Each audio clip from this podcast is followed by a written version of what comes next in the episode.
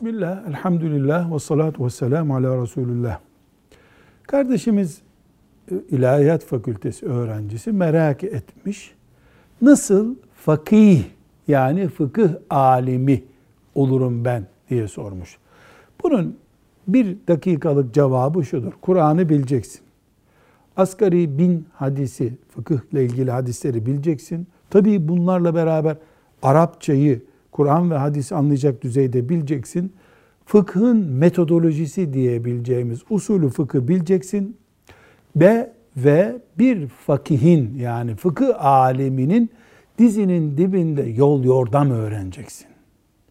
Bunun dışında da çok şey bilebilir mi? Yani bunları bu saydığımız beş prensibi e, oluşturmadan da insan fıkıh bilebilir mi? Bilir ama ona biz ilmuhal bilgisi deriz.